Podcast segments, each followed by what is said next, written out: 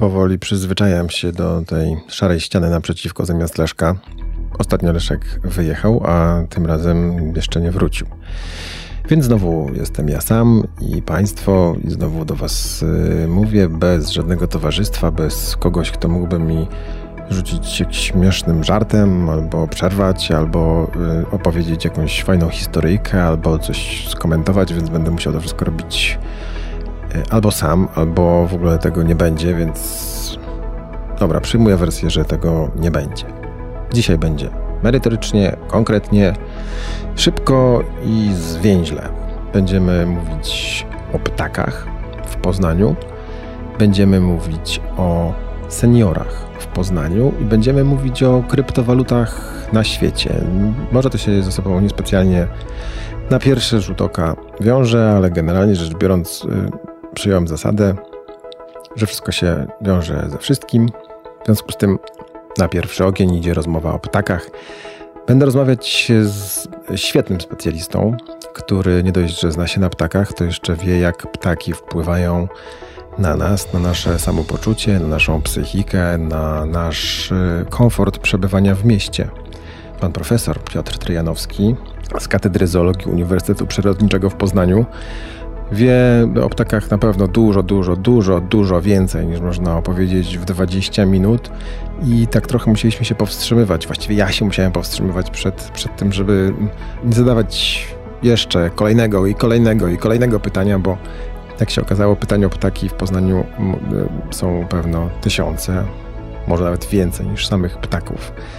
Więc po prostu posłuchajcie. Myślę, że do rozmowy o ptakach wrócimy, bo pan profesor Trianowski jest fascynującym rozmówcą.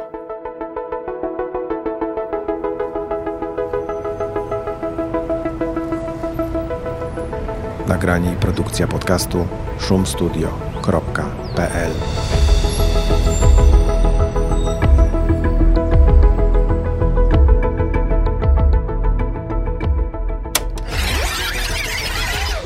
Czy wie pan, ile jest w Poznaniu ptaków? Ktoś policzył? Nie, i chyba się nie da policzyć. Ptaki mają skrzydła i się szybko przemieszczają. Jeszcze na dodatek mają młode, część umiera.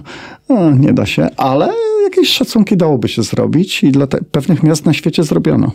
I co, ptaków jest więcej niż ludzi? Więcej niż ludzi. A są takie miasta, gdzie jest więcej niż ludzi, ale generalnie jest taki gradient, że tam, gdzie miasta mniej zielone i bardziej zabetonowane, ptaków jest mniej i osobników i gatunków. Zadam pytanie takie może mało polityczne, ale do czego nam ptaki w mieście? Panie redaktorze, ono jest bardzo polityczne, bo wszystko jest polityką, ktoś powiedział. Do czego nam ptaki w mieście? No ja myślę, że przez... Dobrze, inaczej, co by było, gdyby nie było za nimi ptaków? Może to łatwiej odpowiedzieć To łatwiej pytanie. odpowiedzieć i powiem więcej, badacze zadają sobie takie pytanie, no choćby po to, żeby ludziom przedstawić, po co je mamy chronić, no bo Człowiek to jest takie utylitarne stworzenie, że jednak lubi coś wiedzieć. I gdybyśmy się spotkali, podejrzewam, 10 lat temu, no to bym opowiedział o tych wszystkich komarach, o niszczeniu owadów, o tym, że dbają o strukturę roślinności, że ptaki pomagają e, kontrolować nawet e, czystość, bo to, że czasem roz, grzebują kosze, to paradoksalnie jak tam wyjedzą trochę resztek pokarmowych albo jak gołębie, to może być dobre, również ze względów epidemiologicznych. Pewnie by trzeba było jeszcze powiedzieć o tym, że pomagają w walce z gryzoniami, tak jak ptaki drapieżne, bo i w mieście mamy pustułkę, która potrafi zapolować nawet na szczura, ale to jest wszystko nic. Ja myślę, że w międzyczasie, w ciągu ostatniej dekady dowiedzieliśmy się czegoś więcej, że obecność ptaków poprawia funkcjonowanie naszego mózgu. To znaczy, że to, że one śpiewają, że to, że one są, że mają, że pięknie wyglądają, że ich estetyka jest czasem naprawdę powalająca, również tych miejskich. To jest taki układ nagrody dla naszego mózgu, że my to wręcz traktujemy jako terapię. Nawet nie widząc tych ptaków, nie patrząc, nie obserwując ich? No nie, no Chopina też nie musimy widzieć i tego, co kto gra, nie musimy widzieć Beethovena. Myślę, że ptaki, hmm, akurat tym dwom pewno kompozytorom dały trochę do namysłu i coś tam z tego wykorzystali. I my możemy skorzystać, że tak powiem, z pierwszej ptasiej ręki i posłuchać, także naprawdę ich nie trzeba widzieć. I to są takie efekty naprawdę mierzalne? Tak, są, znaczy w Poznaniu nie było takich badań, Staramy no, się. Wszędzie ludzie są podobni. Ludzie są dość podobni. Były badania w Niemczech, były badania w Szwecji. A na przykład da się ocenić jakość komfortu życia w konkretnych dzielnicach na podstawie tego, ile jest gatunków. Ba, nawet ludzie są w stanie oceniać jakość swojego życia, biorąc pod uwagę, ile tam ptaków jest. Oni nawet się nie muszą znać na tych ptakach. To zresztą jest dość ciekawa historia, że człowiek na czuja z grubsza wie, czy tam jest dużo, czy mało, w podobny sposób jak ornitolog, który tam pójdzie, policzy, pooznacza. Im tych gatunków jest więcej, i tworzą takie chóry, tworzą takie spektakularne e, wystąpienia, można by było powiedzieć, tym na przykład wyższe ceny nieruchomości ale oczywiście to jest tylko analiza korelacyjna, jakby powiedział ekonomista, bo nigdy nie wiemy, czy ci zamożni po prostu sobie nie wykupili miejsca bliżej pięknych parków i pięknych miejsc, ale, ale takie badania się robi. Y, na Tajwanie ostatnio robiono bardzo ciekawe badania dotyczące tego, że jak spacerujemy przez miasto zestresowani, proszę pamiętać, że miasta na Dalekim Wschodzie są jednak potężne, dużo potężniejsze niż miasta w Europie i dużo większe niż Poznań, że ten poziom stresu wynikający z urbanizacji, ze sztucznego światła, z hałasu jest bardzo wysoki. Jak spacerujemy sobie przez park, no to jakby to wszystko z nas schodzi. I te ptaki w tym pomagają. Czyli my sami czujemy, że te parki są potrzebne. Powinniśmy czuć. Przez długie lata myślałem, że to sama zieleń działa. No bo kolor zielony zawsze był uważany taki, za taki, który redukuje stres. Proszę zobaczyć, jak, e, jak lekarze zakładali kitle, e, albo jak malowano ściany w szpitalach. To było właśnie jakieś takie seledyn albo zielenie. No to jest coś w naszych mózgach. Zresztą to ma swoją nazwę. To nazywa się biofilia. To jest takie umiłowanie natury. I ono jest bardzo silne w naszym mózgu, ponieważ to dawało zawsze takie odczucie pewnego bezpieczeństwa i pewnego takiego przestawienia się w tryb wyłączający, że mogę się uspokoić, jest bezpiecznie, czyszczę sobie układ myślący. Ptaki pomagają nam zachować rozum. E, troszeczkę tak, chociaż, ja muszę to powiedzieć. Nie wszystkim. E, chociaż trzeba bardzo uważać.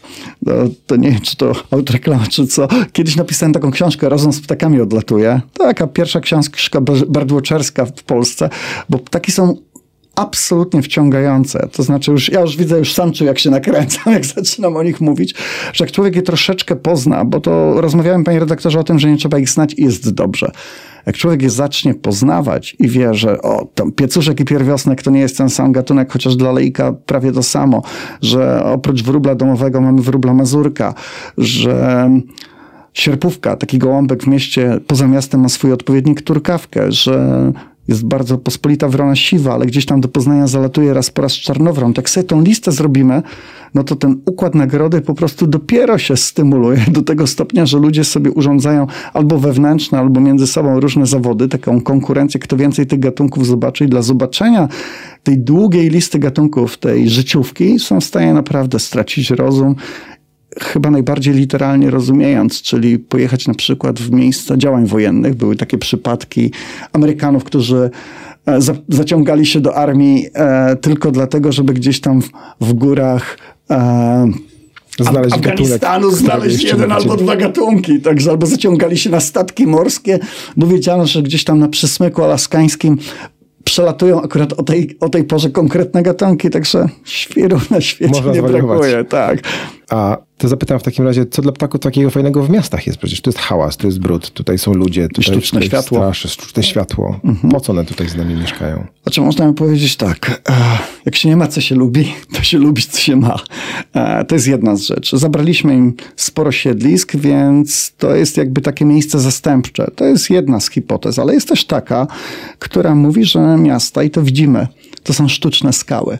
Wiele gatunków, które nam się wydają pospolite, są gatunkami miejskimi, to są gatunki, które kiedyś występowały tylko w górach, na gołych skałach. One za człowiekiem, można powiedzieć, poszły, nawet niektóre nazwy. Gołąb miejski, tak naprawdę, którego widzimy na co dzień, to jest gołąb skalny de facto. Jego populacje dzikie gdzieś tam na różnych wyspach, czy na, wokół Morza Śródziemnego jeszcze są.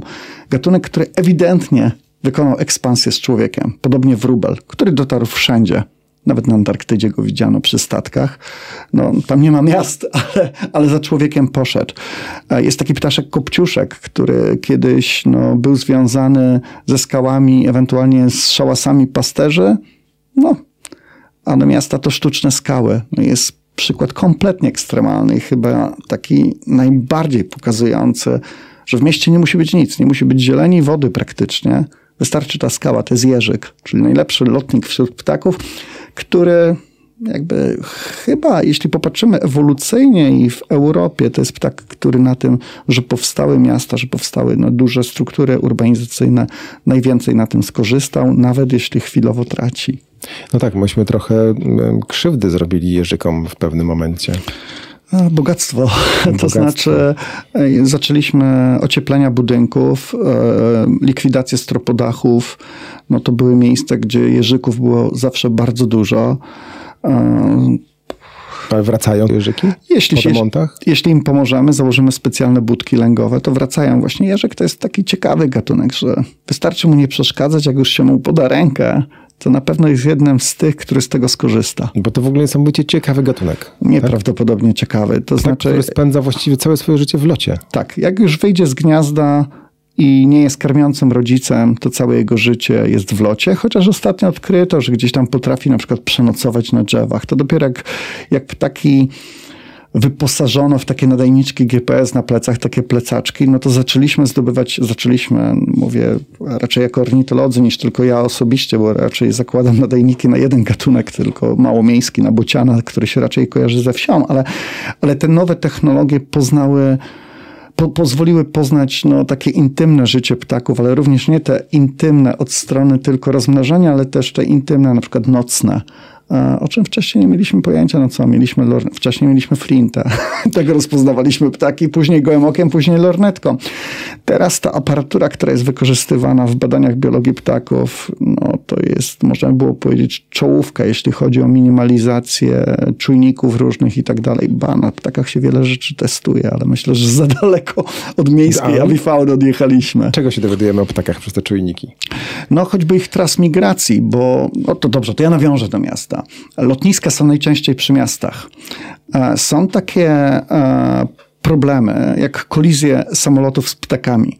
No, trzeba im przeciwdziałać, no bo raz z jednej strony ptaki, co mi jest bliskie mojemu sercu, ale myślę, że dla ludzi znacznie ważniejsze to, że taka maszyna uderzona kosztuje. I to nawet nie chodzi o to, że ona się zaraz zepsuje czy zniszczy, ale każde czyszczenie, każde drobne naprawy to są naprawdę olbrzymie, olbrzymie koszty. No i bezpieczeństwo. I bez, no i właśnie, i trzeci punkt bezpieczeństwo. No i tutaj dochodzimy do tego elementu, dlaczego w, czasem warto poznawać ptaki, no między innymi, żeby takich rzeczy unikać. No i jeśli wiemy, że to już nie tylko duże ptaki, to jest pewien poziom nie, nie, niebezpieczeństwa. Tylko drobne, małe ptaszki, które gdzieś tam mogą wpaść do silnika albo gdzieś mogą zostać nawet zasane przy starcie czy przy lądowaniu, no to im więcej o nich wiemy, to tak naprawdę wieloma rzeczami potrafimy sterować sterować. Możemy je skłonić do tego, żeby nie przelatywały nad lotnisko o, tak ładnie. O, właśnie to tak. To nie jest tak, że my posterujemy je że jak, strzelamy jak, nad jak, lotniskiem. Albo jak, jak, nie, nie, to nie, ale że posterujemy nim jak dronem, to nie. Jasne. Ale jak tego drona wypuścimy albo sokoła nad lotniskiem, który rozproszy te ptaki przynajmniej na czas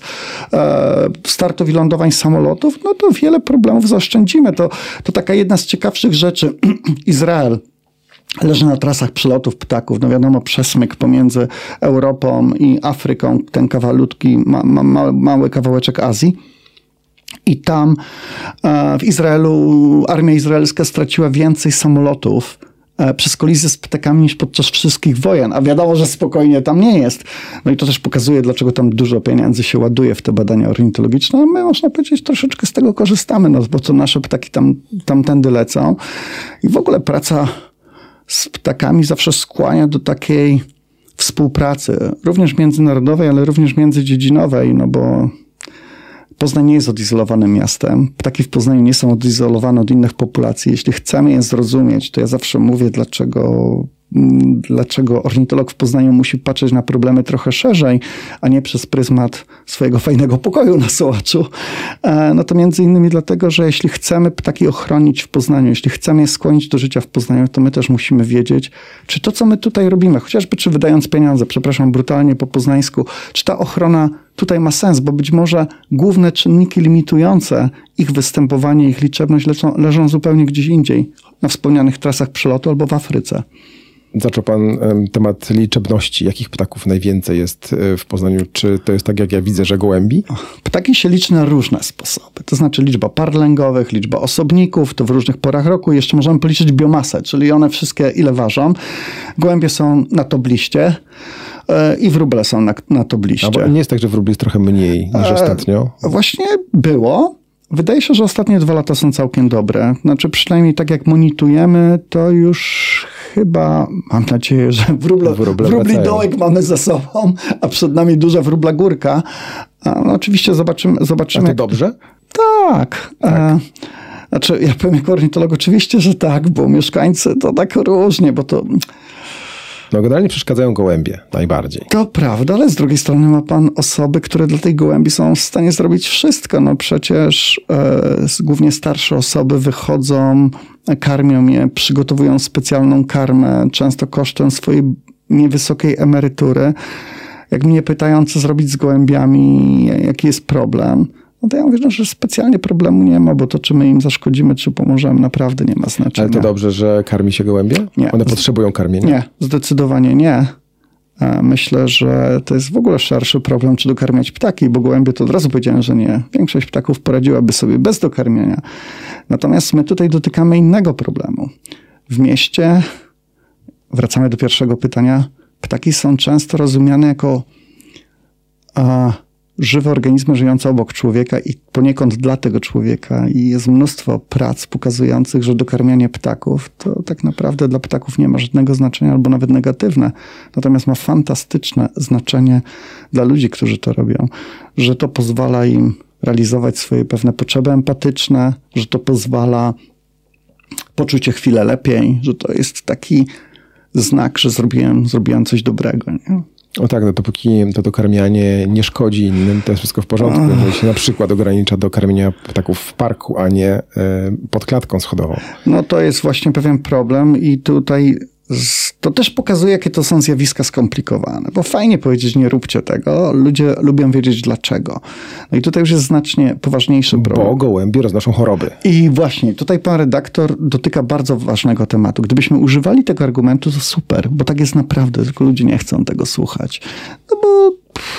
Co powiedzą? A, salmonelloza, dobra. Nie znam nikogo, kto by zachorował. No właśnie, gołębi. albo najwyżej będzie mnie chwilę żołądyczek bolał i skończę w WC, nie? Ale, ale tam jest dużo poważniejszych chorób, typu chlamydiozy różne, także no, trzeba tu ludziom uświadamiać, ale, ale najlepszą, najlepszą akcją, którą możemy zrobić, to jest po prostu prewencja, czyli z jednej strony ograniczać dokarmiania, z drugiej strony, i to jest zawsze bardzo śliski temat, ograniczać liczbę wyrzucanego jedzenia. Ja nie mówię o tych wielkich liczbach, że 40% jedzenia się marnuje, bo to prawda, ale nawet w tej mikroskali te wyrzucane kanapki przez dzieci ze szkoły. Myśmy robili parę lat temu takie przekrojowe badania w całym Poznaniu, to mogę pochwalić, że to, w zasadzie, jeśli chodzi o tak wielkoskalowe badania, to na świecie chyba jest tylko Poznań tak dobrze zbadany e, dla wróbli i dla gołębi to wyszło nam, że centrami odżywiania są szkoły i kosze przy szkołach i tego nie zmienimy. W weekendzie przenoszą w troszkę inne miejsca na przystanki pestki.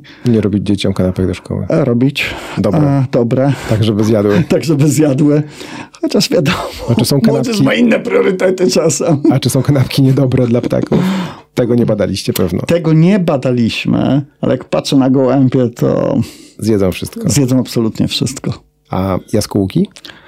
Też znikły. Tak, jest ich coraz mniej, ale przyczyną ich zniknięcia są chyba dwa czynniki. Jeden najbardziej prozaiczny, to raz jeszcze przez to, że w mieście jest coraz sterylniej, jest mniej owadów, czyli mniej pokarmu. Miasto traci w dużej części taki wiejski charakter, czyli że tam, gdzie jest dziura w chodniku i gdzie powstawały kałuże i gdzie powstawało troszkę błotka, no to bach, walimy beton albo cokolwiek innego, albo posiejemy trawę w najlepszym wypadku. To się wypadku. troszeczkę odwraca, zdaje się. E, e, nie na tyle, żeby na korzyść, na korzyść trawy, natomiast nie na korzyść bałaganu Błotka. takiego, żeby błotko było. A jaskółki to potrzebują do zbudowania gniazda. No jeśli na to wszystko jeszcze nałożymy to, że ludzie za nimi nie przepadają bo zwłaszcza, tak, bo brudzą za oknówkami zwłaszcza, no i że gdzieś tam próbują nie dopuścić nawet do osiedlania się gdzieś w rogach, w rogach okien, no to mamy ten taki dość smutny, smutny obraz. A krukowate? Świetnie sobie radzą. Świetnie sobie radzą. Bardzo inteligentne ptaki. Bardzo inteligentne Wielkie ptaki. stada, które nawet słyszałem, że mogą Tak. niszczyć drzewa, tak? Tak, to gawrony i kawki. One rzeczywiście potrafią w okresie pozalęgowym, w okresie jesienno-zimowym głównie rzeczywiście no, zająć spory teren pod noclegowiska, chociaż gawronów jest coraz mniej w Poznaniu. Od 40 lat są monitorowane przez profesora Aleksandra Winieckiego. No i widać tą, tą, tą zmniejszającą się liczebność tego gatunku. W krajobrazie rolniczym też go jest coraz mniej. To nam się ta glapa, czy po poznańsku mówiąc, wydaje takim pospolitym gatunkiem, gdzie tam ma coraz trudniej. No to jest w jego miejsc. Przyroda nie znosi próżni. Gawron gdzieś tam wypada, nawet kawka ma nie najlepiej, bo ona też lubiła takie szczeliny, nieczynne kominy, coś tam. To są piękne ptaki, jeśli miałbym, no to super. Ale wchodzi wrona siwa, ale na naszych, wchodzi oczywiście sroka, ale na naszych oczach to jest dosłownie kwestia ostatnich dwóch dekad. Sójka a, weszła do centrum Poznania. Zakłada gniazda już nie na drzewach, jak przystało na leśne prawdziwe e, sójki, tylko nawet na balkonach, na oknach, na gzymsach radzi sobie. Krukowate też są wszystkożerne, więc jak zobaczymy, co się dzieje z zajechanym gołębiem na przykład. Dzisiaj miałem taki przypadek, idąc tutaj do pana redaktora do studia, no to ten gołąb został rozjechany tak parę sekund po tym, zanim go wrona i za chwilę sójka już były i raczyły się, utylizowały się. Też na koniec mam pytanie o ptaki wodne, bo raczej chyba wszyscy wiemy, że nie powinno się ich karmić chlebem, ale dlaczego? Główny problem jest taki, że one są w ogóle przejedzone. Nadwaga, otyłość w ogóle nie są dobre. Rozumiem, że tutaj znowu działa syndrom dobrego serca, że chcemy im pomóc, zwłaszcza zimą. No ale ten chleb, e, gdyby on był jeszcze świeży i normalny, to może byśmy tak nie walczyli. Natomiast on jest często spleśniały i on często zawiera takie grzyby, które przypominają troszeczkę pleśniaki i pędzlaki. To zresztą są z tej samej grupy i one są bardzo niebezpieczne dla przewodu pokarmowego ptaków. Uniemożli- do tego stopnia potrafią zainfekować e, różne gatunki organizm, organizm ptaka, że on nie potrafi nawet latać. Także no jest jeszcze jeden aspekt, to powiedzmy, ten chleb to nie jest tylko zmora dla ptaków, to jest niestety czynnik powodujący eutrofizację wód. Później się dziwimy, że mamy zakwite sinic i brudne wody w parkach. Sami do tego przykładamy rękę. A ptaki drapieżne mamy w Poznaniu? Mamy, mamy. Znaczy podstawowym gatunkiem ptaka drapieżnego jest pustułka. To nawet w wielu językach i w nazwie naukowej w dźwięczy. drapieżnego. Tak, Falcotin nunculus, czyli sokół zwierzy. Ale w Poznaniu mamy też prawdziwego sokoła wędrownego, już pewnie ze dwie pary. No, gatunek niesamowity, który wrócił po 50 latach nieobecności albo więcej. Gdzie mieszkają te sokoły nasze? Na wysokich kominach. E, jeden na elektrociepłowni zawartą, a jeden, jednego, jedną parę często widuję tutaj koło stadionu Lecha. Nie zdziwiłbym się, gdyby gdzieś tam... No Lasek Marceliński A, pewnie ale. Racek, nie, nie, one są na skalne, więc raczej na budynku, więc raczej podejrzewam... poluje. Ta, tak, poluje właśnie przy Lasku Marcelińskim, dokładnie. A, także to jest, no, to są takie gatunki, które, które są, mają się dobrze w mieście i one można powiedzieć, korzystają z infrastruktury miasta. To odpoczywają na słupach, odpoczywają na wysokich budynkach. Przepraszam, Soku, na wysokim budynku Akademii Ekonomicznej, oczywiście z Paralęgowa, żebyśmy nie zapomnieli, jakby ktoś chciał zobaczyć. Pustułki są prawie wszędzie. To, to jest niesamowite, jak ten gatunek, no, Przyzwyczaił się do nas Tak. i do miasta. a, i do miasta. To też taki sokół, no, który był kiedyś, później gdzieś w dobie i troszkę później wyginął. Teraz ma się świetnie, ale mamy krogulce, które wchodzą do miasta i w dużych kawałkach zieleni już się zaczynają gnieździć. Mamy jastrzębie gołębiarze, które też są w mieście. Podejrzewam, że akurat gołębiarz to jest kwestia kilku lat, że będzie tak jak w Berlinie, że starczy mu jedno drzewo pomiędzy blokami i on tam będzie potrafił zbudować gniazdo. Rozwiąże sporo problemów z gołębiami, o których wspominaliśmy. To, co pan mówi, jest dosyć optymistyczne, czyli ptaków jest coraz więcej i będzie coraz więcej w miastach, w Poznaniu. Niektórych gatunków tak. Niektórych gatunków. Em, Proszę pamiętać, że we wszystkich procesach biologicznych, a to staram się mówić, naprawdę to, to znaczy pewnie z natury też troszeczkę jestem optymistą i raczej trzeba widzieć, że szklanka jest do połowy pełna niż szklanka do połowy pusta, bo paradoksalnie to pozwala pewne działania podejmować racjonalnie i tak mi się wydaje. Wiele gatunków rzeczywiście, rzeczywiście ma się coraz lepiej. No, proszę pamiętać o tym, że parki na przykład są coraz starsze, więc ta sukcesja, jak to nazywają przyrodnicy, no jest postępująca i te gatunki znajdują starsze drzewa do zakładania miejsc lęgowych, zwłaszcza dziuplaki, więc sikor, kowalików, dzięciołów jest coraz więcej. Część gatunków łamie tą taką barierę antropofobiczną, czyli taką, taki strach przed człowiekiem, no to też się odbywa na naszych oczach. Kos e, przyszedł do Poznania raptem 50 lat temu. Świeży nabytek. No ale nie tak świeży jak Rudzik. No to już kilka pokoleń. To już kilka pokoleń, tak. Albo nawet kilkanaście, albo nawet kilkadziesiąt, bo on tam dość szybko idzie. Ale ostatnie lata. Rudzik, e, Strzyżyk, które stają się gatunkami miejskimi. Wczoraj słyszałem pokrzywnicę, mówię sobie, kurczę, zupełnie jak w Monachium, gdzieś tam w Niemczech e, zaczyna pokrzywnica śpiewać z anteny, czyli to, to, to, to, co widzieliśmy, to, co widzieliśmy na zachodzie. Te procesy urbanizacyjne naprawdę przyspieszają. Zobaczmy na zachowanie ptaków. No, te, te same gatunki zachowują się kompletnie inaczej w mieście i poza miastem. Te, o których wspominałem, tak rasowy przykład, kos. W mieście pozwala się podejść na dwa metry i prawie, że przy bucie pochodzi.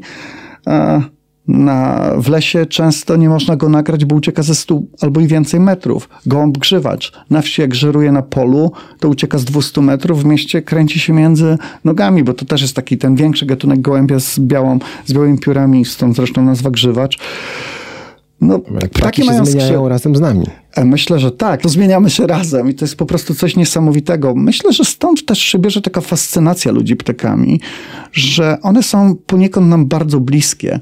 Nie systematycznie, nie taksonomicznie, no bo są... Słychać je przez cały czas. Ale właśnie, że mają E, tak jak my tutaj w podcaście czy w radio, komunikacja głosowa. Inne ssaki, panie redaktorze, co tam, no wyjce może do siebie wyją, ale tak naprawdę cała komunikacja ssaków to jest zostawić trochę odchodów i się powąchać, prawda? My jesteśmy inni, my jesteśmy podobni do ptaków ptaki tańczą, ludzie tańczą, ptaki te bodźce gadają, gadają my gadamy. my gadamy. Czyli ta komunikacja dźwiękowa, ale też komunikacja wzrokowa, tak, taka, taki duży sygnał niesiony przez kolory, przez barwy, przez to, e, przez ruch u innych ssaków to tak raczej wszystko jest zaniedbane. Nocne stworzonka, myszy gdzieś tam przemykające, albo nietoperze, których jest bardzo dużo gatunków, kręcące się po nocy. No homo sapiens pod tym względem jest inny i myślę, że behawioralnie właśnie pod względem zachowań te ptaki dlatego tak są nam bliskie, że jesteśmy tacy podobni. Czyli co, słuchajmy ptaków. Zdecydowanie. Będziemy normalniejsi, spokojniejsi, bardziej odstresowani. No, życzmy sobie tego. Myślę, że tak. Tego. Bardzo panu dziękuję za rozmowę. Moim gościem był pan profesor Piotr Tryjanowski z Katedry Zoologii Uniwersytetu Przyrodniczego w Poznaniu oraz profesor wizytujący Instytutu Studiów Zaawansowanych Politechniki Monachijskiej. Tu specjalnie pan profesor prosił, żebym to odczytał, więc odczytałem, bo to bardzo, bardzo poważna instytucja. Bardzo. Tam też trochę zajmujemy się ptakami w bardzo szerokim, globalnym kontekście. Dziękuję i do usłyszenia, mam nadzieję. Chętnie. Dziękuję bardzo. Ptaków w Poznaniu jest coraz więcej, ale coraz więcej jest także seniorów. Starzejemy się, społeczeństwo się starzeje, jest coraz więcej osób powyżej 60 roku życia. I to jeden z wniosków naszej rozmowy z moim następnym gościem jest taki, że wszystko to, co w tej chwili robimy dla seniorów, to jest przygotowywanie sobie całego systemu pod to, jak ten system będzie za chwilę, krótszą czy dłuższą, obsługiwać nas. Moim drugim gościem jest Wojciech Bauer, dyrektor Centrum Inicjatyw Senioralnych, czyli instytucji przy ulicy Mielżyńskiego, e, do której wszyscy powinniśmy się udać, jeżeli mamy jakiekolwiek pytania związane z tym, w jaki sposób pomagać seniorom, w jaki sposób pomagać naszym rodzicom, wujkom, sąsiadom, tym, którzy no, przekroczyli albo trochę mniej, albo trochę więcej 60 rok życia. Zapraszam. W raporcie Najlepsze miasta dla seniorów 2019 Poznań był na pierwszym miejscu wśród miast najbardziej przyjaznych seniorom. Czy my utrzymujemy tę pozycję? No, na pewno staramy się. Mm, od lat Poznań e, wdraża taką politykę przyjazną starzeniu się. To znaczy taką, która jest dedykowana najstarszym mieszkańcom miasta Poznania, ale też troszeczkę przygotowuje miasto, instytucje do tego, że miasto będzie się starzało. A jak się przygotowuje miasto do tego, żeby obsługiwać starszych mieszkańców? Kilka lat temu zostaliśmy przyjęci do takiej sieci miast przyjaznych starzeniu. E, WHO przyjęło Poznań jako drugie miasto w Polsce i wyznaczyło nam pewne kierunki działania. I my te kierunki, bazując na wytycznych WHO, przygotowaliśmy, tworząc politykę senioralną. Najpierw jedną, która właśnie została zakończona, a w tym roku już rozpoczęliśmy kolejną politykę senioralną, to znaczy angażującą tak naprawdę całe środowisko. Kiedyś mogłoby się wydawać, że na rzecz seniorów musi działać jedna, dwie, trzy instytucje, a teraz, żeby stworzyć miasto przyjazne starzeniu, żeby wspierać e, seniorów, tak różnorodną grupę, powinny być zaangażowani wszyscy interesariusze. Mówię tutaj zarówno o instytucjach miejskich, ale także angażować przede wszystkim samych seniorów, e, instytucje działające na ich rzecz, organizacje pozarządowe, ale także i firmy. Więc takie podejście bazujące na współpracy to jest klucz. I taką politykę, mam wrażenie, udaje nam się realizować. Oczywiście ona wymaga cały czas ulepszenia, zmiany, ewaluacji. I ta ewaluacja nastąpiła, i od w tym roku wdrożyliśmy i wprowadzamy nową politykę senioralną. A ta polityka w praktyce to co? To, to wyznaczanie pewnych kierunków działań, opartych na zmieniających się trendach i oczekiwaniach.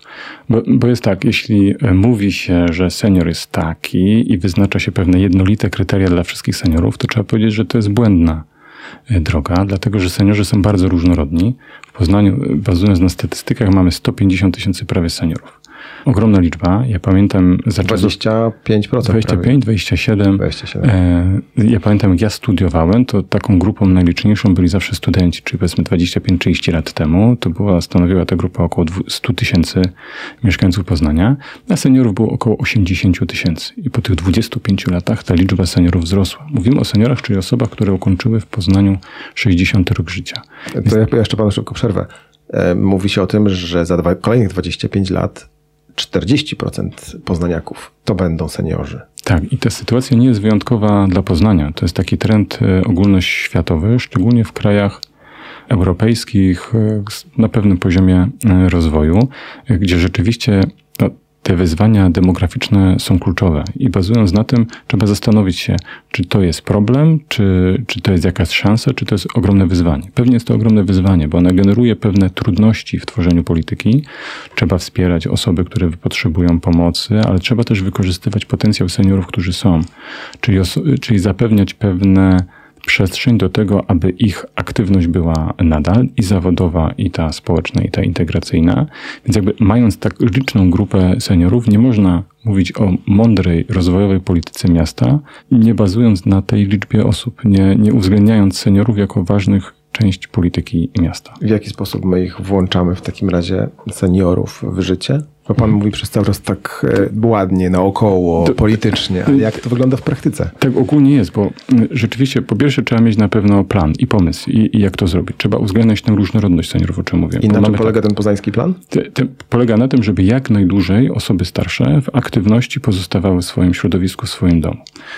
Ja, ja jednak cofnę się do tej różnorodności, bo ona jest kluczowa tutaj. Mówimy tutaj o osobach 60+, plus, czyli mamy 60-70-latkach, którzy mają zupełnie inne oczekiwanie, potrzeby niż 70 Którzy jeszcze mogą pracować na przykład. Oczywiście.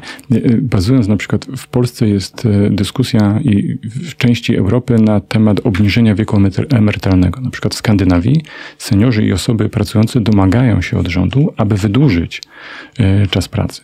Tylko żeby wydłużyć, to trzeba dostosować do pewnych możliwości e, osób starszych, czyli elastyczny czas pracy, e, na przykład kilka godzin i tak dalej. Więc ta zmiany prawa, na zmiana prawa, miasto nie ma wpływu właściwie. Nie, nie, ma wpływu, ale na pewno coraz więcej osób chciałoby taką aktywność zawodową mieć, ale oczywiście bazującą na tych potencjale i siłach, które oni posiadają. Więc mówimy o 60-latkach, 70-latkach często w aktywności zawodowej. Mówimy 70-80-latkach, oczywiście tutaj uogólniam, uogólniam, którzy zakończyli swoją aktywność zawodową, ale jeszcze mają sporo siły do tego, aby na przykład wyjść do kina, do teatru, e, pójść do klubu seniora, albo wykorzystać swój potencjał do tego, żeby być fajnym edukatorem, albo przekazywać wiedzę innym, zarówno seniorom, ale i na przykład młodszym pokoleniom. I mamy osoby, generalizując troszeczkę starsze, w tym tym wieku e, już dojrzałym, które bardziej potrzebują pomocy i wsparcia. Dlatego Opieki. opieki. Dlatego dla nich dedykowane są na przykład domy pomocy, dzienne domy pomocy, ale też wszystko po to, żeby jak najdłużej zostawić tę osobę w danym środowisku. Czyli najpierw trzeba dla 60-70 lat. Czyli mamy trzy grupy, tak naprawdę zupełnie z innymi potrzebami. Można tak, to, można tak to powiedzieć. Dlatego inne są działania dla jednej grupy i inne powinny być kierowane dla drugiej. Mówimy tutaj o, generalnie o polityce Polski, państwa, ale my, każdy samorząd tworzy swoją własną politykę lokalną. Na tyle, na ile posiada środków, zasobów i potencjał.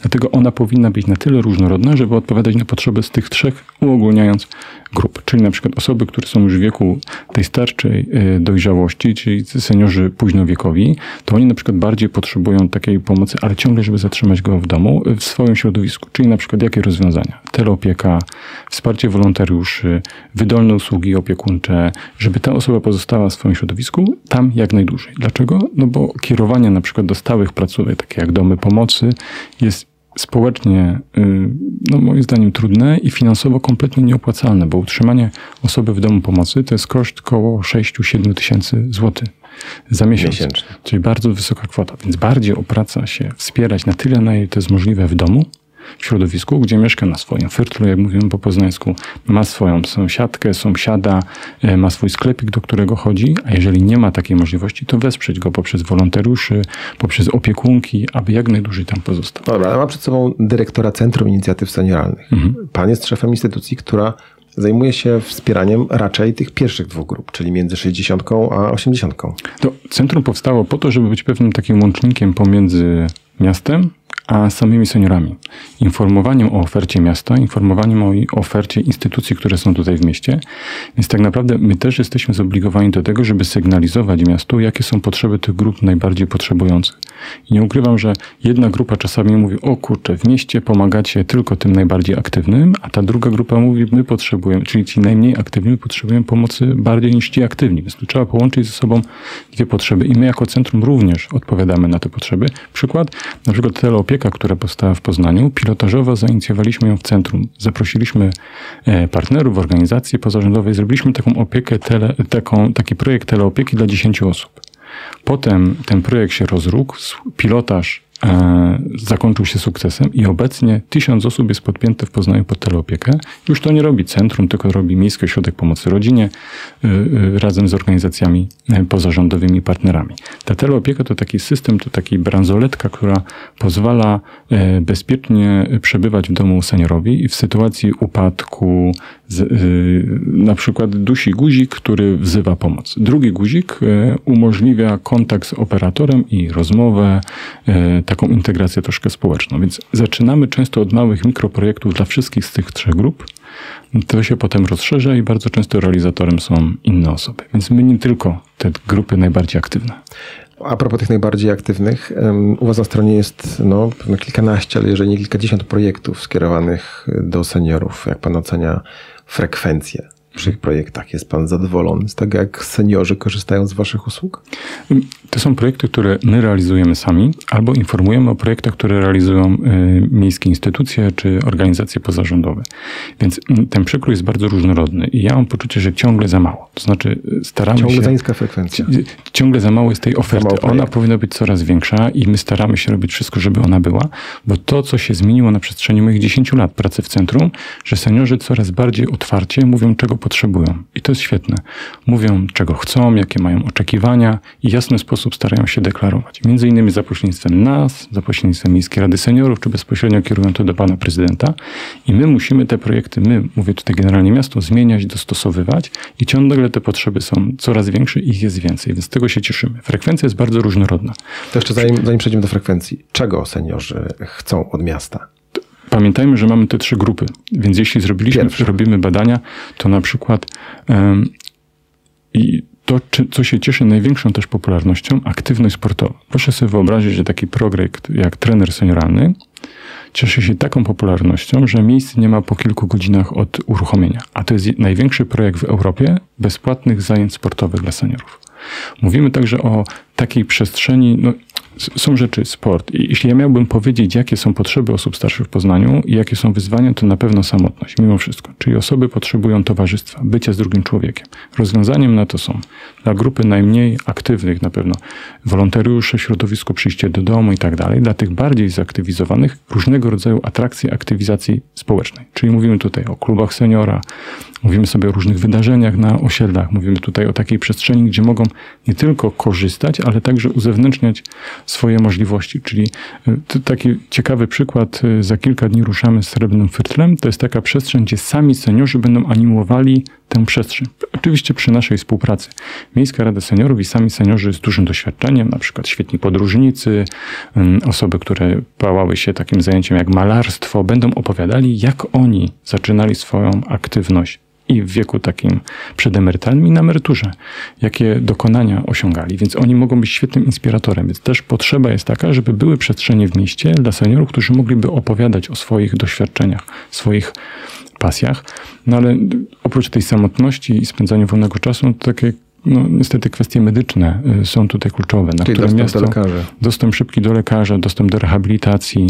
No, problem jest na przykład wielu, wielu seniorów nie wiem, jest po udarze i teraz jest problem co dalej, jak rehabilitować. No, to już kompletnie inna historia. Y, tak? Inna historia, ale miasto też jako tako pomaga się wspierać w ramach działań, które miasto realizuje, zlecając to na przykład miejskim instytucjom jak POSUM, też przeznaczone są środki poza NFZ-em na działania rehabilitacyjne, na przykład po covidowe, czy po, yy, czy czy, poudarowe i tak dalej. Więc to też jest bardzo ważne. Więc mówimy o bardzo różnorodnych. Jeśli pyta się ktoś, jacy są seniorzy różnorodni, jakie potrzeby różnorodne, jakie działania różnorodne. różnorodne. Więc ta różnorodność jest takim hasłem przewodnim pewnie.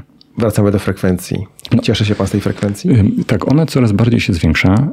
Ja pamiętam, ostatnio miałem taką rozmowę z panią profesor Tobis i ja mówię, że ona jest y, wybitnym mm, lekarzem, geriatrą. Kiedyś była krajowym konsultantem do spraw geriatrii i ma duże doświadczenie do współpracy z y, seniorami. I ja jej mówię, seniorzy ostatnio stali się mniej wrażliwi na słowo senior. To znaczy, nie mają problemu z tym, żeby ktoś mówił do nich senior. To już nie jest takie pase, jak było do tej pory. I ona mówi, ona ze swojej perspektywy mówi, że ciągle jednak ta definicja senior dla wielu osób jest trudna. Ja zauważam, że niekoniecznie. To znaczy, senior powoli, w mojej ocenie, staje się dumny z tego powodu, że, że, że seniorem. Że może teraz więcej oczekiwać, że może czegoś chceć, że to, o czym mówiłem, deklaruje swoje, swoje potrzeby. I y, zgłasza je do miasta, do różnych instytucji i te potrzeby staramy się gdzieś tam zaspokajać, ale ciągle niewystarczający sposób, o czym mówiłem, i ta frekwencja, ta gotowość do działania się zwiększa. Ale niewystarczająco. Myślę, że ciągle są osoby, które przychodzą, i tu się zgodzę z panią y, profesor, że ciągle przychodzą z takim z, taką niepewnością, nieśmiałością, nie potrafią powiedzieć, czego chcą, nie zawsze chcą uczestniczyć w jakimś wydarzeniu. To, co na pewno przełamuje pewne bariery, to relacja z drugim człowiekiem. To znaczy, jeśli jestem samotny, trudno mi gdzieś wyjść, coś zrobić, z kim się spotkać. Jeśli mam kogoś, przyjaciela, koleżankę, kolegę, to już jest mi łatwiej. No tak, zawsze kolega jak wyciągnie z domu, to hmm. się szybciej wyjdzie niż samemu. Więc nawet super oferta nie zawsze będzie atrakcyjna, jeśli nie pobudzimy tego seniora do tego, że możesz, że, że, że, że to nie jest ty, ja pamiętam, jak kiedyś spoglądaliśmy na zewnątrz, jak ktoś chodził, starsza osoba biegała. Chodziła Nordic Walking z kijkami. To, o Jezu, taki stary, co on tu robi? A teraz jest tylu seniorów aktywnie spędzających czas i nikt nie widzi w tym nic złego, że osoba starsza ze senior chodzi, ćwiczy, wygłupia się, tańczy, tai chi, rumba, gdziekolwiek. Nie? To z czego to wynika? To wynika z tego, że do seniorów informacja o tych wszystkich wydarzeniach nie dociera? Pewnie e, dociera, to jest tak, dwie rzeczy. Po pierwsze, odbiór może nie jest wystarczający. Ciągle jednak w, w, głowie, w przeświadczeniu wielu osób nie wypada, nie chce, nie powinnam, jak to będzie wyglądało. Z drugiej strony, pewnie informacja nie dociera w taki sposób, jakbyśmy chcieli. A trzecie, że może oferta jest niewystarczająca. Ja myślę, że na każdej tej z tych przestrzeni i wyzwań staramy się gdzieś tam te działania prowadzić. To znaczy, po pierwsze, zwiększamy ofertę, mówię generalnie jako miasto, i to się cieszy coraz większym zainteresowaniem seniorów. Drugie, staramy się docierać z tą informacją. Cieszę się, że też jestem dzisiaj tutaj y, z Wami, bo to też jest kolejny kanał dotarcia y, nie tylko do seniorów, ale na przykład do młodszych odbiorców, którzy chętnie opowiedzą swoim dziadkom, że jest coś takiego jak Centrum Inicjatyw Senioralnych, że ta oferta miasta jest, że słuchaj dziadek, słuchaj babcia, może się tam zgłosisz, albo ja sprawdzę, gdzie coś się dzieje fajnego w Poznaniu. Ja mam wrażenie, że te informacje są naprawdę w różny sposób dystrybuowane, ale ciągle pewnie niewystarczające. My się skupiamy przede wszystkim na tych tradycyjnych jeszcze kanałach, czyli mówimy tutaj o gazecie, mówimy jeszcze tutaj o telewizji, o radio, bo widzimy, że ten przekaz jest najbardziej skuteczny, ale to się powoli zmienia. W wiek senioralny chodzą osoby, które już znają internet, które już wiedzą, jak posługiwać się smartfonem, więc pewnie trochę nam się to przesunie, ale jeszcze nie teraz. Jeszcze, jeszcze troszkę czasu potrzeba, więc im więcej kanałów dotarcia, tym lepiej, ale ciągle pewnie za mało. Czyli chyba jednak z tego, co Pan mówi, najważniejsze jest to, żebyśmy się zainteresowali tymi starszymi osobami w naszej okolicy, sąsiadami, rodzicami i na siłę ich gdzieś tam trochę czasami wypchnęli i na, na wydarzenie, zabrali ich do centrum i tym pierwszym źródłem informacji dla naszych bliskich, znajomych czy rodziny, no chyba jesteśmy my, czyli to my powinniśmy się interesować tak samo jak seniorzy tym, co się dzieje, jeżeli chodzi o politykę senioralną w Poznaniu. Pewnie tak. Ja myślę, że nigdy nikogo na siłę do niczego nie zmusimy i nie przekonamy, natomiast Trzeba próbować. myśmy mieli taką kampanię Seniorze masz wybór, bo myślę, że najgorsze jest to, że senior nie wie, co jest, co funkcjonuje. Seniorze możesz podjąć jakąkolwiek chcesz decyzję, to znaczy, jeśli chcesz zostać w domu, Oczywiście, jeśli źle się czujesz w dużym towarzystwie, ok, ale wiedz, co jest dookoła. Fajnie jest to, że, y, że dziadek ma wnuka, ma dzieci, które mu podpowiedzą, ma fajną koleżankę, która go wesprze. Ale niestety często jest tak, że wielu seniorów pozostaje samych sobie. I nawet nie zdajemy sobie sprawy z tego, że bliska y, miejsca zamieszkania osoba starsza jest zupełnie sama. I to nie chodzi o to, że nie ma rodziny, bo największym problemem chyba jest to, że jeśli ktoś jest samotny przez całe życie i w jaki sposób próbuje się do tego przygotować. Jeśli ktoś jest e, w pełni życia z rodziną, z partnerem, z mężem, z żoną i nagle to traci, to to jest jeszcze większe wyzwanie. Bardzo często to dotyczy kobiet, które gdzieś tam pełniły różne role społeczne. Ja pamiętam w czasach gdzieś tam PRL-u kobiety wyznaczały sobie takie zadania jak muszę być dobrą uczennicą, potem muszę być dobrą pracowniczką, potem muszę być dobrą żoną, potem muszę być dobrą mamą, a potem muszę być dobrą babcią. I nagle się okazuje, że wnuki wyrosły, dzieci już mnie nie potrzebują. Dzwonią raz w tygodniu. Dzwonią, jeśli się uda, raz w tygodniu. I ta babcia, e, bo w większości to dotyczy kobiet niestety, męża straciła albo, albo go nie ma i ona zostaje sama. I słuchajcie, przez ten cały czas swojego życia nie poświęcała sobie go za bardzo. Ona zawsze komuś dedykowała to. Koleżanki może już ich nie ma, albo nie miała czasu, żeby o nie zadbać, przecież zajmowała się rodziną. E, koleżanki albo odeszły, albo ich nie ma, albo nie zadbała o relacje i ona teraz co ma zrobić. I to jest taki, ja, to nie jest to, że ja to przeczytałem w książce, to też jest z opowieści samych seniorów, którzy mówią nam o tym, że trochę pomyślmy o sobie na każdym etapie swojego życia, ale tak zdrowo, nie egoistycznie, że trzeba mieć czas na swoje pasje, swoje relacje, po to, żeby na starość e, gdzieś tam mieć chęć do tego, żeby być z kimś innym. I teraz, jak Pan mówił tutaj, że musimy zmusić kogoś do, do czegoś, albo bardzo zachęcać, no to wyobraźmy sobie, że e, nasz e, ojciec, nasz dziadek przez całe życie zajmował się tylko pracą, czasem dochował dzieci, no jest na emeryturze. No i, i, co on ma zrobić? No on tylko telewizję ogląda. Jak nigdy nie wychodził. Musiałby się zmienić, musiałby zostać inną no, osobą. I to nie jest takie łatwe. To Zmieniać łatwe. kogoś na siłę, szczególnie w takim okresie dojrzałości, jest niesamowicie e, trudne. Więc ja też robię taką rekomendację, żeby zdrowo, fajnie dojrzewać do starości, żeby uczyć się od swoich dziadków i babci, nie popełniać ich błędów, bo takie pewnie się zdarzają, żeby być z nimi, żeby ich wspierać, żeby budować tą relację, bo nawet jeśli zrobimy najlepsze na świecie, najlepszą na świecie ofertę i politykę senioralną, jeśli nie będzie w tym wszystkim jakiejś relacji, bliskości z drugim człowiekiem, to upadniemy. I tu jest wielki problem, bo w Polsce przez lata były świetne relacje międzypokoleniowe. Można sobie tak upraszczając powiedzieć. To znaczy międzypokoleniowe domy, mieszkania, mieszkaliśmy ze sobą, a my odchodzimy od tego. To znaczy zwróćmy uwagę, Cały na, świat odchodzi. zwróćmy uwagę na to, jak jest teraz, że tworzymy osobne e, gdzieś tam gospodarstwo, gospodarstwo domowe. domowe. Dziadek, tak jak mówią, czasami staje się już zbędny, on mieszka gdzie indziej.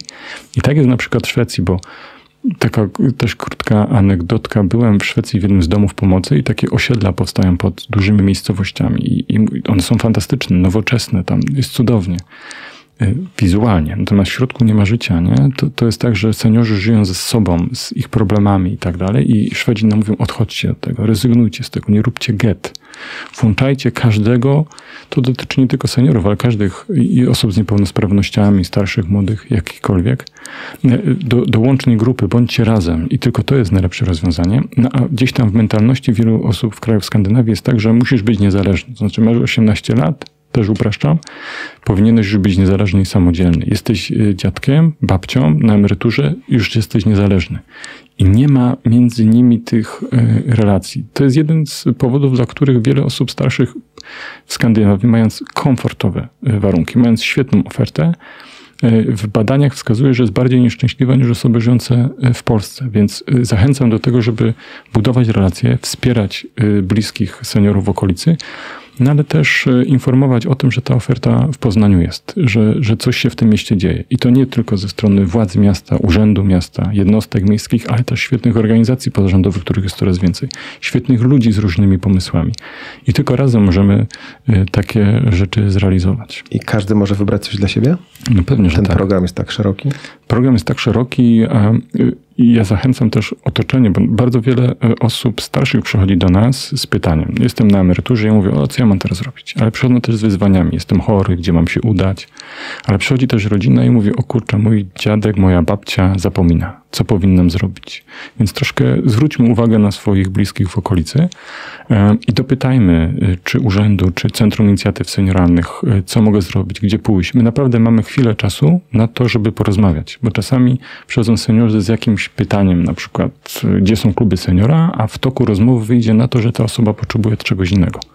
Że może powinna pójść do lekarza, albo może powinna pójść do jakiegoś innego miejsca, gdzie zaspokoi swoje potrzeby. Ta oferta jest tak jak mówię, ona pewnie nie jest tak wystarczająca, jakbyśmy tego oczekiwali, ale bazując na, na, na doświadczeniu i spojrzeniach na inne miasta, w Poznaniu jest całkiem przyjaźnie i pewnie będzie. To też zależy od tego, jak decydenci, jak władza będzie w tej gradacji e, potrzeb mieszkańców e, uznawała seniorów. A myślę, że bazując na, na tym kryzysie, który jest teraz, mamy takie informacje, że jakby z polityki senioralnej nie będzie, chociażby tak mówiąc wprost, nie będzie takich cięć, jak jest na, jak jest na innych rzeczach. Że e, seniorzy zgłaszają się do prezydenta i on ich słucha, że jakby mają decydujący wpływ na tym, jak ta polityka wygląda. No za chwilę wszyscy będziemy seniorami, więc tak trochę sami sobie y, przyszłość układamy. No pewnie tak. To taki jeżeli... egoizm, nie? Ale dobry. Dobry egoizm. Czyli jeżeli nie wiemy, co zrobić z seniorem, jeżeli nie wiemy, jak mu pomóc, to wy jesteście tym pierwszym miejscem, do którego można się zwrócić o pomoc.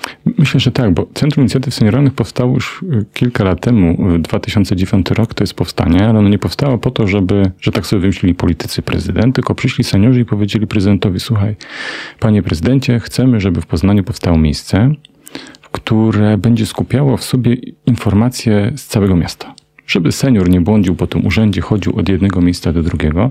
Nie chodzi o to, żeby on tu wszystko załatwił, ale żeby mu powiedzieli w spokojny, w jasny, czytelny sposób, gdzie może pójść, co zrobić jakie są możliwości, jakie problemy, jakie utrudnienia, ale żeby tę wiedzę miał. Bo tak jak mówiłem, seniorze masz wybór, musisz wiedzieć, bo to jest najważniejsze i kluczowe. Więc jeśli szukasz informacji, zadzwoń, przyjdź, skorzystaj z internetu, jakkolwiek byś chciał, seniorze, ale jakkolwiek byś chciał e, przyjacielu seniora, e, rodzina seniora. E, zadzwoń, e, my jeśli nie mamy informacji na teraz, na pewno się dowiemy. Gdzie Was szukać?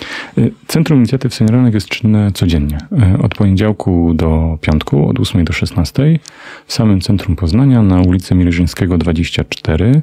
Można do nas przyjść, nie trzeba się w żaden sposób umawiać, ale można też przedzwonić. Jeśli ktoś miałby ochotę, podam też numer telefonu 61 kierunkowy 847 21 11. Jeśli ktoś korzysta z nowych technologii, mamy też stronę www.centrumis.pl. Mamy też Facebooka, mamy też newsletter, co tydzień możemy przesyłać maila. Dajemy się znaleźć, trzeba nas wpisać w Google. Jeśli ktoś korzysta z internetu, jesteśmy na pewno. To miała być rozmowa o y, szczegółowych rozwiązaniach, y, które Poznań oferuje. Seniorom, ale wyszedł nam z tego wstęp właściwie taki bardzo ogólny na temat tego, w jaki sposób możemy seniorom pomóc, więc umówmy się, że to będzie rzeczywiście wstęp tylko, a umówimy się na następną rozmowę za jakiś czas na temat już konkretnych akcji, których jest mnóstwo i które będziemy mogli, o których będziemy mogli trochę więcej opowiedzieć. E, bardzo dziękuję za rozmowę. Bardzo dziękuję. E, tych tematów na pewno jest przed nami sporo, ale myślę, że nie można mówić o szczegółach bez pewnego kontekstu i fajnie, że nam się udało go tutaj wstępnie zajawić. Czyli pierwszy odcinek przyszłości poznańskich seniorów w Poznaniu mamy ze sobą. Moim gościem był Wojciech Bauer, dyrektor Centrum Inicjatyw Senioralnych w Poznaniu. Dziękuję bardzo. Bardzo dziękuję.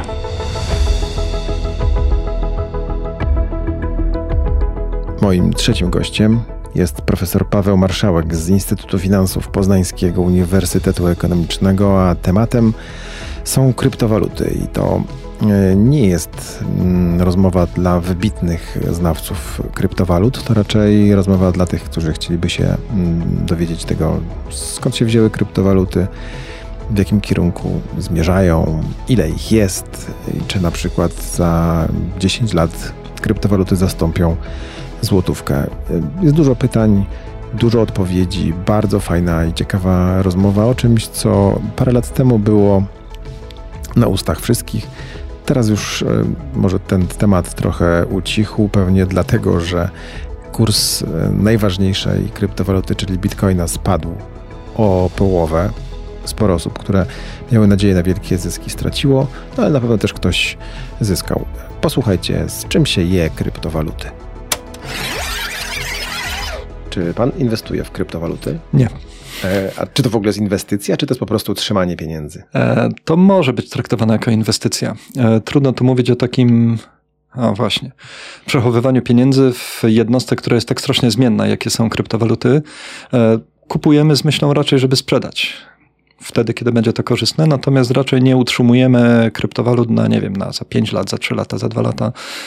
Cechy kryptowalut są takie, czy może inaczej, zastosowanie, wykorzystanie kryptowalut jest takie, że one generalnie są używane do spekulacji. To jest, to jest jakby to zastosowanie, które wybiło się na pierwszy plan, bo nie zawsze tak było. Były takie czasy, że uważano, że kryptowaluty to będzie wręcz pieniądz przyszłości, coś, co zastąpi istniejące waluty, te, które znamy, wskutek pewnych swoich wad i zalet. E, niedobrego bilansu. Uważano, że współczesne waluty no, mają pewne wady i systemy pieniężne mają pewne wady, które powinny być wyeliminowane. Jeżeli pieniądz ma być dobry, gdzieś w tym momencie nastąpiło zachłyśnięcie się kryptowalutami, no ale bardzo szybko okazało się, że kryptowaluty się nie nadają do bycia pieniądzem, natomiast jako coś, w co możemy inwestować, na czym możemy spekulować, jak najbardziej. Do przyszłości kryptowalut mhm. jeszcze pewno wrócimy. Leszek tu ostatnio mm, sypnął takim e, świetnym żartem, e, jak zostać milionerem inwestując w kryptowaluty, że najpierw trzeba być miliarderem. Tak. Tak jest? E, Czy to żart? Nie generalizowałbym, nie? bo zawsze będą tacy, co na inwestycji jakoś jednak e, będą mieli szczęście, są tacy, którzy stracą, natomiast no, w dużym okresie e, kasyna zawsze wygrywa. Czyli to jest krótko, jeżeli inwestycja to krótkoterminowa dla specjalistów, którzy śledzą troszkę, kurs. Troszkę sobie nie zdałem, to nawet nie chodzi o śledzenie kursu, bo to, to wie pan, to równie dobrze możemy porównać do inwestycji w akcje. Nie? To niektórzy robią jakieś bardzo wyrafinowane analizy. akcje mają podstawy finansowe, No to tak, tak, ale właśnie gdzieś tam są tacy, którzy uważają, że jakieś analizowanie tych e, dokumentów finansowych, kondycji spółek i tak dalej i tak nie ma większego znaczenia, bo są tacy, co stawiają na tą analizę techniczną, wyjdą im wykresy takie czy inne, z wykresu wynika sprzedawaj, kupuj. Oni to robią niezależnie od tego, jaka jest rzeczywista kondycja danej spółki. Nie czytając raportów i gdzieś tam zdaje się wyniki są 50-50. Nie, nie możemy powiedzieć, że któraś z tych szkół, e, czy powiedzmy podejść do inwestowania w akcje wykazuje wyraźną przewagę, tak? Choć oczywiście każdy ma tam swoje racje. Jeżeli chodzi o kryptowaluty, no to też jest tak, że uda się albo się nie uda. No, kto kiedyś, gdy zaczynał się na przykład Bitcoin i miał tego Bitcoina u siebie na komputerze i myślałby, że to będzie warte, nie wiem, ćwierć miliona za jedną jednostkę, tak? No właśnie, bo chciałem e, wrócić do historii. Na początku, mm -hmm. czyli 5 października 2009 roku, to już tyle czasu e, trwa, za jednego dolara można było kupić 1309 bitcoinów. Mm -hmm. W tej chwili przeszliśmy przez różne kwoty, potem bitcoin kosztował 3 dolary, potem e, więcej, a w swoim szczycie prawie 62 tysiące dolarów kosztował. Tam chyba nawet troszkę więcej. Jeden nawet jeszcze bitcoin. 68 tysięcy przez jakiś krótki moment. Jeszcze więcej. Dzisiaj to jest 30 tysięcy, czyli połowa tego. Tu wracamy Ale do, to do jest to, co pan zarobku. wspomniał, jeżeli chodzi, bo, bo w zasadzie dotknęliśmy tego tematu, jeżeli mówimy o akcjach, to jednak jest tam zatem jakaś spółka, prawda? Możemy wyliczyć tam tak zwaną wartość fundamentalną. Jakąś minimalną. Tak, e, taką, czy powiedzmy taką, która odpowiada jakiejś tam realnej wycenie. Natomiast jeżeli mamy aktywo takie jak kryptowaluty, które de facto nie, no nic za nimi nie stoi. Tam nie ma czegoś To od czego zależy namacalnego. kurs? Od, kryptowaluty? od popytu i podaży. Bądź od prostu. tego, co się dzieje na rynku, czy od tego, bo pamiętajmy, że rynki krypto to nie są takie, powiedzmy, zdecentralizowane, jakieś romantyczne wizje, że gdzieś tam, prawda, pojedynczy inwestor się przebija. Oczywiście oni są, gdzieś tam obracają się w tych małych e, sumach, małych rejestrach, ale rynki kryptowalut są zdominowane i mocno bardzo scentralizowane, zarówno jeśli chodzi o giełdy, ale także jeśli chodzi o wydobycie, na przykład bitcoina. Tak? Te kopalnie bitcoinowe to jest stopień scentralizowany ogromny. Tam 90% znajduje się w rękach, nie wiem, kilku podmiotów dosłownie. A po co się kopie? Żeby Po co mieć... ten system jest wymyślony? System I był... dlaczego? Ach, system był wymyślony e, przez kogoś lub coś e, pod kryptonimem Satoshi Nakamoto. I tu mówimy o tym pierwszym, pierwszym Pierwszym, e, kryptowalucie, czyli o Bitcoinie. O Bitcoinie. Bitcoin był tą, tą kryptowalutą, która zrodziła się, w, e, można powiedzieć, poetycko w burzy kryzysu globalnego finansowego lat 2007-2009, ale sam Satoshi Nakamoto, nie znamy jego tożsamości, nie wiemy nawet, czy to jest jedna osoba, czy to jest grupa osób. E, W tym swoim manifestie o Bitcoinie, w tym e, białej księdze, jak to się szumnie nazywa, e, on chciał stworzyć e, środek płatniczy, który byłby znacznie bardziej pewny i niezawodny niż to, co oferowały banki. Tu od razu możemy mieć pewne wątpliwości, bo nieco inaczej funkcjonuje nasz system bankowy, nieco inaczej amerykański, nieco inny europejski. Niektóre systemy płatnicze są bardziej wydolne, inne mniej. Natomiast Satoshi Nakamoto bał się problemu podwójnego wydatkowania, że z jakichś tam względów będzie możliwe e, dwukrotne ujmowanie tej samej kwoty, tej samej transakcji. Bał się tego, że banki te transakcje czasem cofają chciał stworzyć nowy system płatniczy, on to nazywał systemem elektronicznej gotówki, który miał być niezawodny w tym rozumieniu, że strony mogły rozliczać się wzajemnie bez żadnych pośredników. No i to jest I niezawodny to jest, system. to jest niezawodny system, to jest oparte na kryptografii, to jest oparte na bardzo mocnych zabezpieczeniach. Natomiast problem jest taki, że algorytm jest troszkę niewydolny. Nie? To, to, to jest dobre, jeżeli rozliczają się dwie strony, natomiast trudno sobie byłoby wyobrazić, że cała gospodarka miałaby na to funkcjonować. Wracamy do kopania. I wracamy do kopania. co ten system? Tak sobie Satoshi Nakamoto wymyślił, założywszy przede wszystkim, że niebezpiecznym zjawiskiem, które obserwujemy współcześnie jest to, że współczesny pieniądz możemy kreować, jak nam się żywnie podoba. W zasadzie nie ma żadnych granic emisji. Banki Czyli centralne, podmioty Rząd może gospodarcze... po prostu drukować pieniądze. Znaczy ja nie lubię tego określenia drukowanie pieniędzy, bo żadnego drukowania już nie ma, bo stwarza to jakby poczucie, że gotówki mamy więcej. Jest sęk w tym, że my możemy, gotówka miałaby nawet jakieś limity, wbrew pozorom, ale to wie pan, drukowanie miałoby limit, ale to jak powstaje współczesny pieniądz, limitów nie ma, bo my go po prostu dopisujemy na kontach i nie ma. Czy my sobie dopiszemy 500 czy 50, nie ma tutaj najmniejszego znaczenia. Zdaniem niektórych to właśnie generuje procesy inflacyjne. Ta- Taka stara, e, trochę prymitywna interpretacja teorii ilościowej. Jeżeli pieniądza jest za dużo, no to w ślad za tym koniec końców ceny wzrosną. To jest oczywiście prawda, ale nie mamy czasu, żeby dokładnie pewnie o tym opowiadać. tak, to bo inna jest historia. e, inna historia. Sęk w tym, że Satoshi Nakamoto widząc ten problem współczesnego pieniądza, on sobie założył, że bitcoina, tej pierwszej kryptowaluty ma być ilość skończona, 21 milionów, tak zapisał w protokole, w algorytmie, no i wprowadził określony sposób, w jaki te pieniądze się na rynku mają znajdować. Bo jeżeli mamy takie pieniądze jak złoty, jak dolar, to, to po prostu emituje je bank centralny w taki czy inny sposób, czy banki komercyjne, one trafiają do ludzi, natomiast bitcoiny, inne kryptowaluty, one są niejako odkrywane. To jest takie, e, miało No być... kopane to się Tak, nazywa. miało być, ale kopane to jest, wie pan, to też nie, nie, nie, nie No, dobrze tak odpowiada, ale chodzi o ktoś to, ale dlaczego to wymyślono? Wymyślono dlatego, żeby było dobre skojarzenie i analogia ze złotem. Mhm. Skoro złoto było postrzegane jako ten taki pieniądz ze złotej ery, prawda? Takiej idylli wręcz monetarnej, kiedy wszystko się fajnie rozwijało, kiedy nie było kryzysów, no to jeżeli powiemy, że kopiemy kryptowaluty, no to mamy mining, tak jak gold mining i od razu jesteśmy w domu, prawda? W takiej naszej arkadii. Łatwiej zrozumieć. Tak. No i generalnie to skopanie ma tyle wspólnego, że to są pewne procedury, które są e, niejako zapuszczane. Powiedzmy, chodzi o znalezienie pewnych parametrów dla określonej funkcji matematycznej. Też często się mówiło na początku, że o, dostajemy na Bitcoin jest nagrodą za rozwiązanie pewnego zadania matematycznego. To nie do końca jest zadanie. nie ma sensu tak naprawdę formalnie No właśnie, żadnego, tak? właśnie chodzi o to, że to nie jest tak, że my w ten sposób przymnażamy w jakikolwiek sposób wiedzy czy czegokolwiek, tylko po prostu szukamy parametru. To jest tak, jakby pan zapuścił sobie jakieś, nie wiem, wyszukiwanie i tak długo, dopóki nie zmaczuje pan powiedzmy jednej parametru z drugim, tak nic się nie dzieje. Nie? Jakbyśmy sobie wyobrazili wyobrazili to manualnie, że wkładamy po kolei klocki, patrzymy do której dziurki patrzeć, mamy nieskończoną liczbę tych, tych, w końcu gdzieś tam trafimy, no i generalnie wtedy, jak się nam to uda, raportujemy tak jakby temu konsensusowi, jeżeli inni posiadacze Bitcoina uznają, że tak, że to jest właśnie ten wartość parametru tej funkcji haszującej, która pasuje. Dobra, to jak to się nazywa? No i generalnie brzmieć jak czarna magia. No dokładnie, ale chodzi o to, że po prostu e, jest to tylko funkcją zaangażowanego czasu i energii. Nie wymaga to żadnych specjalnych zdolności, nie wymaga to żadnej wiedzy matematycznej, tylko po prostu niejako udostępniamy swój sprzęt, on tam sobie mieli, można powiedzieć. Trzeba mieć prąd i dużo komputerów. Trzeba mieć prąd, dużo komputerów, dużo taniego prądu, żeby to miało jakikolwiek sens, natomiast przestaje też mieć sens o tyle, że coraz więcej to wychodzi, bo tak sobie Satoshi Nakamoto założył, że wraz z pojawianiem się bitcoinów na rynku, wraz z tym zbliżaniem się do tej bariery tych 21 milionów, to coraz drożej kosztuje jakby odkopanie każdego kolejnego bitcoina. Czytaj, musimy zainwestować więcej energii, więcej sprzętu, żeby nam się to udało. No tak, teraz, czyli teraz jesteśmy w sytuacji, w której um, to kopanie jest coraz droższe, tak. ale bitcoin tanieje, to się jeszcze opłaca. Ale to właśnie nie o to zupełnie chodzi, bo cena bitcoina zupełnie nie jest powiązana z tym, ile go mamy.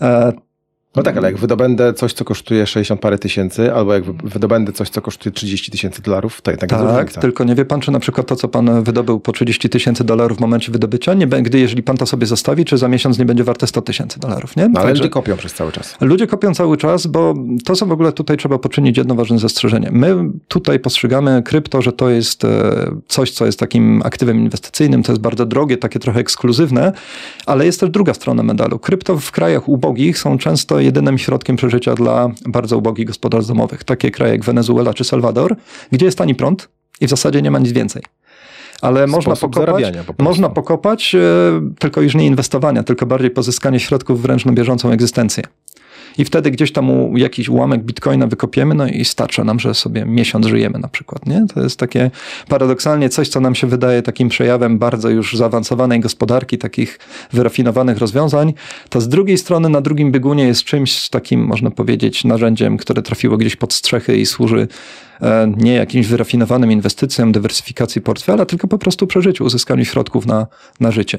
Jeżeli pan mówi o dwóch stronach medalu, to rzeczywiście mamy w tej chwili trochę dwie strony medalu, bo Chiny zabroniły korzystania mm -hmm. z kryptowalut z jednej strony, a z drugiej strony księstwo Butanu, jak wyczytałem, zrobiło państwowe kopalnie, na których też zarabia całkiem niezłe pieniądze. Są też kraje, które próbowały wprowadzić, jak właśnie Salwador, wprowadzić bitcoina jako oficjalny środek płatniczy u siebie, bo ich e, natywny system pieniężny był w drzazgach, no i uznano, że to będzie jakaś kotwica, tak? No to się też nie do końca powiodło.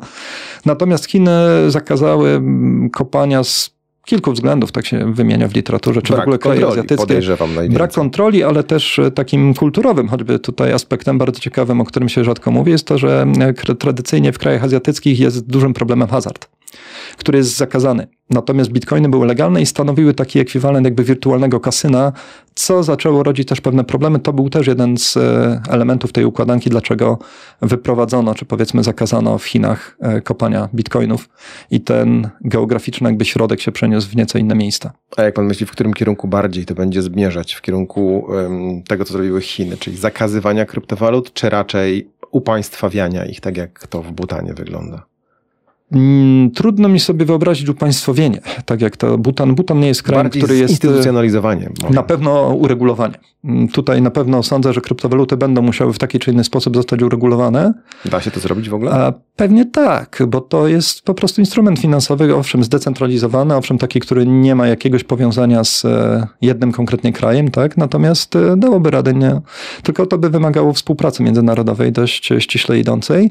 Natomiast to jest też pytanie dlaczego i co byśmy chcieli przez to osiągnąć, tak? Bo jeżeli kryptowaluty byłyby z jednym wielu instytucji, instrumentów finansowych, no to można by uznać, jeżeli ktoś chce się w to bawić i nie wiem, dzisiaj zyska milion, jutro straci 10, to jest tylko jeden jego problem. Zapewnijmy tylko, żeby funkcjonowanie tych giełd było prawidłowe, żeby nie było tam nadużyć, prania brudnych pieniędzy, tego typu rzeczy i to te regulacje na pewno powinny, e, powinny obejmować. Natomiast jeżeli ktoś po prostu chce inwestować w krypto, czy tworzyć swoje krypto, bo powiedzmy sobie jasno, że krypto opierają się na otwartym oprogramowaniu. Satoshi Nakamoto wrzucił je do sieci. Jeżeli ktoś chce, pan, ja i znamy się troszkę, to możemy sobie własną kryptowalutę zaprojektować i, i zobaczyć, czy chwyci. I to wszystko opiera się na tym algorytmie mm, pierwotnym, bitcoinowym? Mm, z modyfikacjami, z bo później, później były generalnie też oczywiście modyfikacje mm, z taką chyba najważniejszą, taką konkurencyjnym, może konkurencyjnym to też złe słowo, ale takim alternatywnym sposobem podejścia do kryptowalut jest też ta kryptowaluta, którą nazywa się Ethereum. E, druga, najważniejsza tak naprawdę, często się u nas myli Ethereum, Ether. Ethereum jest całą platformą, Ether jest natywną kryptowalutą tej platformy. Tam się troszkę jeszcze innych rzeczy dzieje, można sobie tak zwane smart kontrakty ustawiać. Ether w odróżnieniu od Bitcoina nie ma tego limitu e, kreacji, go może tworzyć tyle, ile nam e, się potrzeba. Czyli nie ma tych 21 milionów? Nie, to jest tylko właśnie, znaczy generalnie jeżeli limitem. twórcy kryptowaluty założą, że chcą mieć limit, to go mają. Jeżeli założą, że go nie chcą, nie ma takiego problemu. I to nie ma żadnego wpływu na kurs? Nie, bo kurs generalnie nie zależy od ilości. To jest tak, jakby pan powiedział, że nie wiem, że znaczy zależy, ale w bardzo okrągły sposób. Nie ma, nie ma takiego przełożenia, że nie wiem, NBP wyemituje 10 miliardów i kurs się zmieni w taką czy inną stronę. On się oczywiście zmieni, ale nie dlatego, że na rynku przybyło e, jakaś konkretna liczba pieniądza, tylko dlatego, że to zmienia pozostałe parametry. A ile w tej chwili jest kryptowalut? Da się to wyliczyć? Parę tysięcy, ale jest bardzo duża płynność. Niektóre są, e, tak jakby młodzież powiedziała, robione dla beki, tak, że ktoś tam sobie zrobi i jakąś tam dziwną nazwę wymyśli, Sherlock Coin na przykład, Putin Coin był przecież, no i gdzieś tam Dogcoin, który dzięki Elonowi Muskowi zrobił nieoczekiwaną karierę. Natomiast e, to jest bardzo efemeryczny twór. Gdybyśmy mieli spojrzeć, ile jest takich walut ważnych, kryptowalut ważnych, no to byśmy się zatrzymali przy kilkudziesięciu. A to zapytam pana e, inaczej. Jest ich kilka tysięcy. Czy ten model liczenia za pomocą kart graficznych i maszyn to jest jedyny model w tej chwili wydobywania? Powoli nie. E, powoli już to się zmienia. Właśnie ten wspominany Ether, e, on odszedł, bo to jest to ten tak zwany proof of work, jak to się ładnie nazywa, czyli dowód wykonanej pracy, gdzie mielimy tymi kartami graficznymi. W Etherze zmieniono to teraz na proof of stake, czyli na pewne jakby kwoty zastawów, które są składane jako równowartość pozyskanego krypto, co jest dużo bardziej energooszczędne. Czyli co, nie trzeba będzie liczyć tylko? E, członkowie danej społeczności będą musieli jakby zaryzykować i wnieść pewną taką kaucję, tak najogólniej prosto mówiąc, potwierdzającą, że dana transakcja w kryptowalucie jest legitna, by tak e, powiedzieć. No i wtedy nie musimy jakby zaprezentować, że przemieliłem ileś tam rzeczy i, i znalazłem rozwiązanie tej funkcji haszującej, tylko członkowie konsensusu jakby składają, ręczą za mnie, można powiedzieć, e, jest to proof of stake, że mamy dowód, tutaj potwierdzamy, ten kolega, prawda, czy ta koleżanka, czy ten adres, mówiąc już językiem krypto jest porządku, porządku, bo iluś e, członków konsensusu za niego zaświadczyło i zdecydowało się wyłożyć na pewien czas swoje własne kryptowaluty, żeby dać mu taką swoistą legitymację. To brzmi jeszcze bardziej skomplikowanie niż kopanie za pomocą kart graficznych. To brzmi pewnie bardziej skomplikowanie, ale nie wiem, to proszę tak traktować to na zasadzie, że możemy przystąpić do klubu, jeżeli ktoś do nas poręczy. O, to by była taka chyba analogia. Zapytam jeszcze o jedno, bo przecież kopanie i w ogóle obrót bitcoinami to jest straszliwy wydatek energetyczny. Tak. Tu sam bitcoin podobno zużywa obrót bitcoinem zużywa tyle rocznie, co Argentyna, Holandia czy na przykład Zjednoczone Emiraty Arabskie. Tak, to prawda. I z tego względu kryptowaluty po jakimś takim też zachłyśnięciu się zaczęto zwracać uwagę na to, że one jednak są wysoce emisyjne. To jest ogromny wydatek energetyczny. No jednym ze sposobów, by to obejść, jest właśnie to, o czym wspominałem przed chwilą, czyli ta kwestia przejścia z tego wydobywania, zaprzestanie kopania na rzecz innych mechanizmów legitymacji. E, inną też kwestią jest, powoli się próbuje gdzieś e, zielone kryptowaluty wprowadzać, gdzieś oparte na źródłach energii e, odnawialnych. Nadal energii. Tak. No bo no, komputer nie pojedzie na idei, nie? jakby nie patrzeć, kryptowaluty, no to jak sama natura, to one są z digitalizacją, z tą gospodarką 4.0 nieodłącznie związane, tego, tego nie przeskoczymy. Założeniem kryptowalut było to, żeby on, to była wolna, wolna waluta, mhm. wolny środek płatniczy, a pan mówił przed chwileczką o tym, że będziemy musieli to uregulować. Czy to w ogóle da się zrobić? Ale to wie pan, e, to, że to jest wolny środek płatniczy nie wyklucza regulacji. Nie mylmy tutaj Ale anarchii z regulacją. Cały świat, tak? Musiałby to uregulować. To no podobnie możliwe? jak jest uregulowane to, że nie może pan sobie, nie wiem, emitować w Polsce dolara, nie może pan w Stanach Zjednoczonych e, regulować euro. Każdy kraj ma swoje własne zasady. Nikt nie mówi, że te zasady w jakiś sposób krępują wolność, tak? krępowaniem wolności byłoby to, gdyby ktoś powiedział, że właśnie on nie możesz się posługiwać albo z jakichś względów jest to zabronione, zakazane i nie potrafił tego uzasadnić. To, że my uregulujemy rynek, e, rynek nie oznacza anarchii, o tym pamiętajmy. Czyli? Jak to będzie wyglądać za parę lat? No, tego nie wiem, jak będzie wyglądać, bo sytuacja jest tak dynamiczna, że skoro widzimy choćby takie zmiany notowań kursów. Jest jeszcze jedna rzecz, bo tu nie chciałbym odkrywać kolejnego zagadnienia, ale trzeba. Banki centralne pracują nad swoim własnym odpowiednikiem pieniędzy cyfrowych. Wystraszyły się, można powiedzieć, popularności kryptowalut, czy też zauważyły pewne niedogodności związane z tradycyjną papierową ale one się wystraszyły z samych kryptowalut, czy wystraszyły się tego systemu, który obsługuje mm, kryptowaluty? Systemu się nie wystraszyły, bo na przykład jest tak, że nie istnieje. złotówka będzie odpowiednikiem, powiedzmy sobie, kryptowaluty? Czy będzie kryptowalutą? E, nie będzie kryptowalutą. To jest właśnie, to się powszechnie myli, bo mówi się o kryptowaluty banków centralnych. To już nie będą kryptowaluty. Kryptowaluta jest zdecentralizowana. Jeżeli bank centralny NBP, czy, czy EBC, czy Bank Ludowy Chin zdecyduje się, że jedną z form pieniądza państwowego była też cyfrowa gotówka, jakiś tam e-yuan, tak, czy złoty, no to wtedy wprowadza to. Ale wcale nie musi wykorzystywać technologii kryptowalut, nawet wręcz byłoby to chyba niewskazane. Nie musi to wyglądać w ten sposób, że jakiekolwiek kopanie i tak dalej będzie istniało, bo banki centralne spokojnie mogą wykorzystywać inne sposoby e, budowania waluty cyfrowej. Waluta cyfrowa to nie musi być kryptowaluta. Waluta cyfrowa to jest po prostu jakiś pieniądz, gotówka, która nie ma formy papierowej. No, ale my taką gotówkę już mamy przecież. Nie mamy. Znaczy, może nie mamy. Nie mamy. Tak? To, że pan ma pieniądz bezgotówkowy na koncie, tak, którym się posługuje, to nie jest jeszcze cyfrowa gotówka, bo ona tak naprawdę jest odpowiednikiem pieniądza bezgotówkowego, który pan ma na koncie. Cyfrowa gotówka byłaby wtedy, gdyby miał pan konto, na którym miał pewne jednostki i płacił nimi bezpośrednio komuś tam, zupełnie bez angażowania jakichkolwiek innych środków bankowych. Czyli... Nie depozytów, nie oszczędności, tylko taką specjalną, można powiedzieć, pulę, portfel cyfrowego złotego, w którym ma pan, nie wiem, 500 złotych, które panu bank centralny zapisuje na koncie. Pan się posługuje nim w transakcjach między rozmaitymi podmiotami. Czyli czekają nas dwa systemy, dwie złotówki, ta e-złotówka i zwykła złotówka? Może się tak zdarzyć. Znaczy nie wiem, czy akurat też w Polsce Ale najszybciej. Po co, takie, po co taki system? Bo gotówka papierowa jest niewydajna. I to, co pan mówił, rządy lubią regulacje. I czasem lubią też te regulacje sobie zacieśnić i uważają, że taka waluta cyfrowa byłaby po prostu rozwiązaniem dla nich lepszym, ale umówmy się, to nie jest też dowód jakiegoś, nie wiem, spisku złej woli i tak dalej, bo po prostu rozliczenia bezgotówkowe są co do zasady efektywniejsze. Czy myśli pan w związku z tym, że te tradycyjne waluty, ta złotówka zwykła, kiedyś zniknie, zniknie dolar? Waluty nie znikną, bo proszę pamiętać, czym jest waluta tak naprawdę. Nie? Waluta to nie jest to, że to jest banknot czy moneta. Waluta jest pewną ideą na początek. E, pamiętajmy, że pieniądz to łączy w sobie różne funkcje. On jest środkiem płatniczym, tak jak my go rozumiemy i którymi się posługujemy w transakcjach, płacimy sobie za różne rzeczy, ale jest też miernikiem wartości, czyli takim pewnym standardem. To, czy dolar, czy euro, czy, czy yuan będą miały postać cyfrową, i nie będzie na przykład banknotów, tak, czy monet e, denominowanych właśnie w tych walutach, to nie znaczy, że nie będzie tych walut. Możemy Czyli sobie... my tego nie odczujemy tak naprawdę, jeżeli wejdzie ta Zmieni się dla nas forma. No a odczuł pan sytuację, gdy zniknęły czeki z obiegu? No, ucieszyłem się. No właśnie, nie? Ale to nie było tylko lepiej, prawda?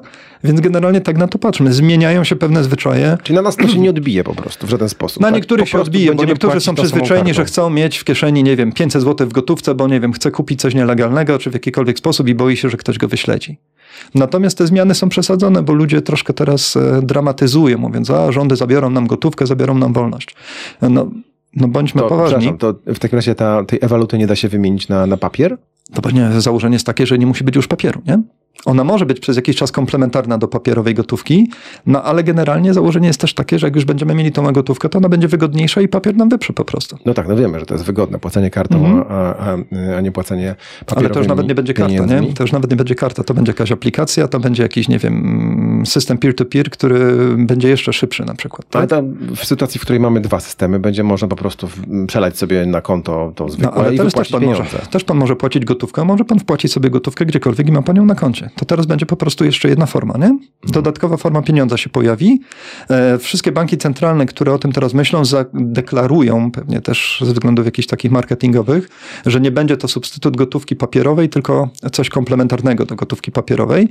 Natomiast można pewnie by oczekiwać, że z czasem po prostu gotówka papierowa z jakichś tam względów będzie rugowana. A jak pan myśli, w jaki sposób sztuczna inteligencja, którą teraz przez wszystkie przypadki się odmienia w mediach, wszyscy w rozmowach między sobą wpłynie na kryptowaluty, na kursy, na inwestowanie? Na, ja bym był ostrożny i nie łączył wszystkiego z wszystkim. To, że no, mamy to już się sztuczną... łączy samo chyba. Nie czy... do końca się łączy. To znaczy znowu, bo mam czasem takie poczucie, że w debacie tworzy się jakby problemy, nie zauważając, że one już wokół nas są. E, handlowanie algorytmowe, handlowanie algorytmowe na giełdach, przecież przez program jakieś boty, przez programy inwestorskie, to już jest coś, co się dzieje od dawna, nie? To nie jest coś, co e, być może Czyli będzie... sztuczna to... inteligencja, która po prostu inwestuje tak za jest, nas. Tak jest. Może nie aż tak, e, że tak powiem, w pełni inteligentna, bazująca bardziej na prawdopodobieństwach, bazująca na szybkości przetwarzania danych, ale generalnie to się właśnie już dzieje. To nie, my cały czas mamy jakieś, wydaje mi się, takie połączenie dwóch światów, że żyjemy mentalnie w epoce, gdzie, nie wiem, mamy inwestora, który bohatersko gdzieś tam gra przeciw rynkowi i podejmuje decyzje trafne i na Wall Street wszyscy nagle rzucają, nie wiem, karteczkami w powietrzu, tak? E, no tak to nie wygląda. Ten świat jest światem wysokich kwot, wysokich transakcji, graczy strategicznych, inwestorów strategicznych. Ja wiem, że pojedynczego inwestora gdzieś tam rozpalają ideę, widzę to choćby po moich studentach, że będę inwestorem, teraz będę inwestował w krypto, nie? No świetnie. Ale generalnie pamiętajmy, że to, co nazywamy przyszłością, już tu jest. Tylko czasem nie widzimy, bo jest troszkę nierówno rozdzielona, jak słynny pisarz William Gibson mówił. E, gdzieś to już dzieje się, gdzieś mamy sztuczną inteligencję już zatrudnione jako równoprawny uczestnik rynku, czy wręcz główny jego twórca, a jednocześnie mamy sytuację, gdzie jedziemy gdzieś na wakacje i nie potrafimy znaleźć bankomatu, ani nie jesteśmy w stanie e, kartą zapłacić. Taki troszkę można powiedzieć okres przejściowy mamy że nie zostały. Wiadomo, jak on się skończy ten okres e, Tak, zostały nam elementy tego starego, a z drugiej strony nowe już jest, tylko, tylko nie wszędzie go widzimy. No, ludzie się martwią, że nie będzie papierowej gotówki, tak, i że będą, będą śledzeni. No ale przecież masz konto bankowe, e, szanowny panie czy szanowna pani, e, masz transakcje kartą, które są zupełnie nieanonimowe. Nie wiem, czy potrafiłby pan wymienić kogokolwiek, kto przez, nie wiem, ostatni rok posługiwał się wyłącznie gotówką, tak? No to są mm, pojedyncze przypadki. To są pojedyncze tak, przypadki, ludzie, które nie decydują boją. E, albo z jakichś względów nie chcą tego robić, tak? Bo to nie zawsze musi być strach, to nie zawsze musi być jakaś obawa, to nie zawsze musi być też brak wiedzy, czasem to jest po prostu świadomy wybór. Natomiast e, bądźmy świadomi, że to jest jakiś tam margines, a całość firmy mają obowiązek transakcji bezgotówkowych już coraz to bardziej restrykcyjne. My również, jeżeli wejdzie nam cyfrowy złoty, czy wejdzie nam cyfrowy jakiś tam inny odpowiednik waluty, no to jest podstawowe pytanie, co dzięki temu uzyskamy? Być może większą sprawność, efektywność, wydajność systemu płatniczego, co utracimy? Być może jakąś część niezależności, prywatności, no ale czy w tych czasach, gdy w zasadzie i tak nie mamy. prywatnością za bardzo nikt się nie, nie może pochwalić, bo jeżeli chce uczestniczyć w procesach gospodarczych, czy, czy powiedzmy być gdzieś tam w życiu społecznym, to i tak podaje wszystkie te dane swoje, gdzie tylko jest to możliwe. Wrócę do tematu z początku naszej rozmowy. Czy warto się w ogóle interesować inwestowaniem w kryptowaluty w tej chwili? Czy to jest raczej um, temat dla ludzi, którzy się na tym znają i mają dużo czasu wolnego? Raczej mają zasoby odpowiednie. Nie Bo jeśli mówimy o takich kwotach jak ten, no to inwestowanie w krypto, no to Czyli już ma swoją wymowę. Znaczy nie musi pan od razu kupować całych bitcoinów, może pan kupić sobie ileś satoshi, prawda? Czyli tych jakby podczęści bitcoina i też nie ma z tym problemu i też można gdzieś tam coś urwać na którymś miejscu po przecinku. Natomiast to jest podstawowe pytanie zawsze, czy kto po pierwsze, czy ktoś ma naturę inwestora? Czy może po prostu woli bezpiecznie pieniądze ulokować niższym, że tak powiem, e, prawdopodobieństwem zarobku na nim, ale też nie stracić. Po drugie, ile ma wolnych środków do inwestowania, no bo ktoś, kto inwestuje, niekoniecznie musi od razu inwestować w krypto, tak? Może sięgnąć po tradycyjne instrumenty finansowe, może sięgnąć też po aktywa realne. No, takich zysków, jak dawał Bitcoin przez ostatnie lata, chyba A, Tak, to ja to, to, ja to, to ja to odwrócę. Takich strat, jakich dawał Bitcoin, też nic nie dawało w ostatnim czasie. Także tutaj, tutaj jest Czyli zawsze to jest ten problem. jednak zabawa dla graczy. Jak całe inwestowanie. Jak całe inwestowanie. I to zależy, jakie kto ma skłonności do ryzyka. Nie? Jeżeli ktoś lubi poczuć dreszczyk i, i widzieć, co tam się dzieje, no to, to jasne, może inwestować. Natomiast tu oczywiście nigdy reguł nie, nie da każdemu jak sukces odnieść.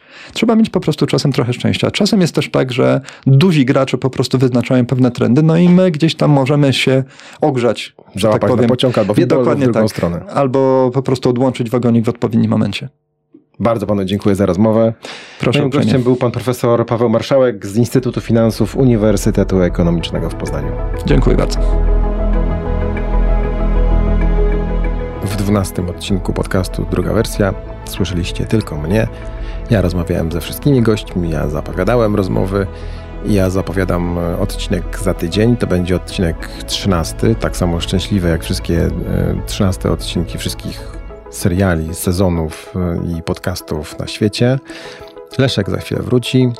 Będziemy znowu rozmawiać. Będzie znowu wesoło, dowcipnie, będziemy się przekomarzać, będziemy ze sobą bardzo miło rozmawiać, czasami bardziej, czasami mniej, czyli generalnie wszystko wróci do normy. Zapraszam Was za tydzień.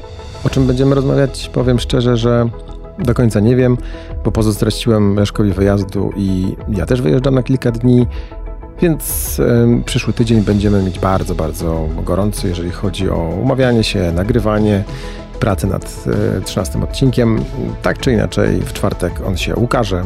I oczywiście Was wszystkich serdecznie zapraszam do tego, żeby śledzić naszego Facebooka, sprawdzić, kiedy odcinek będzie już online, włączyć, posłuchać i cieszyć się z naszej obecności. Bardzo Wam dziękuję za uwagę. To był dwunasty odcinek podcastu poznańskiego, druga wersja. Do usłyszenia.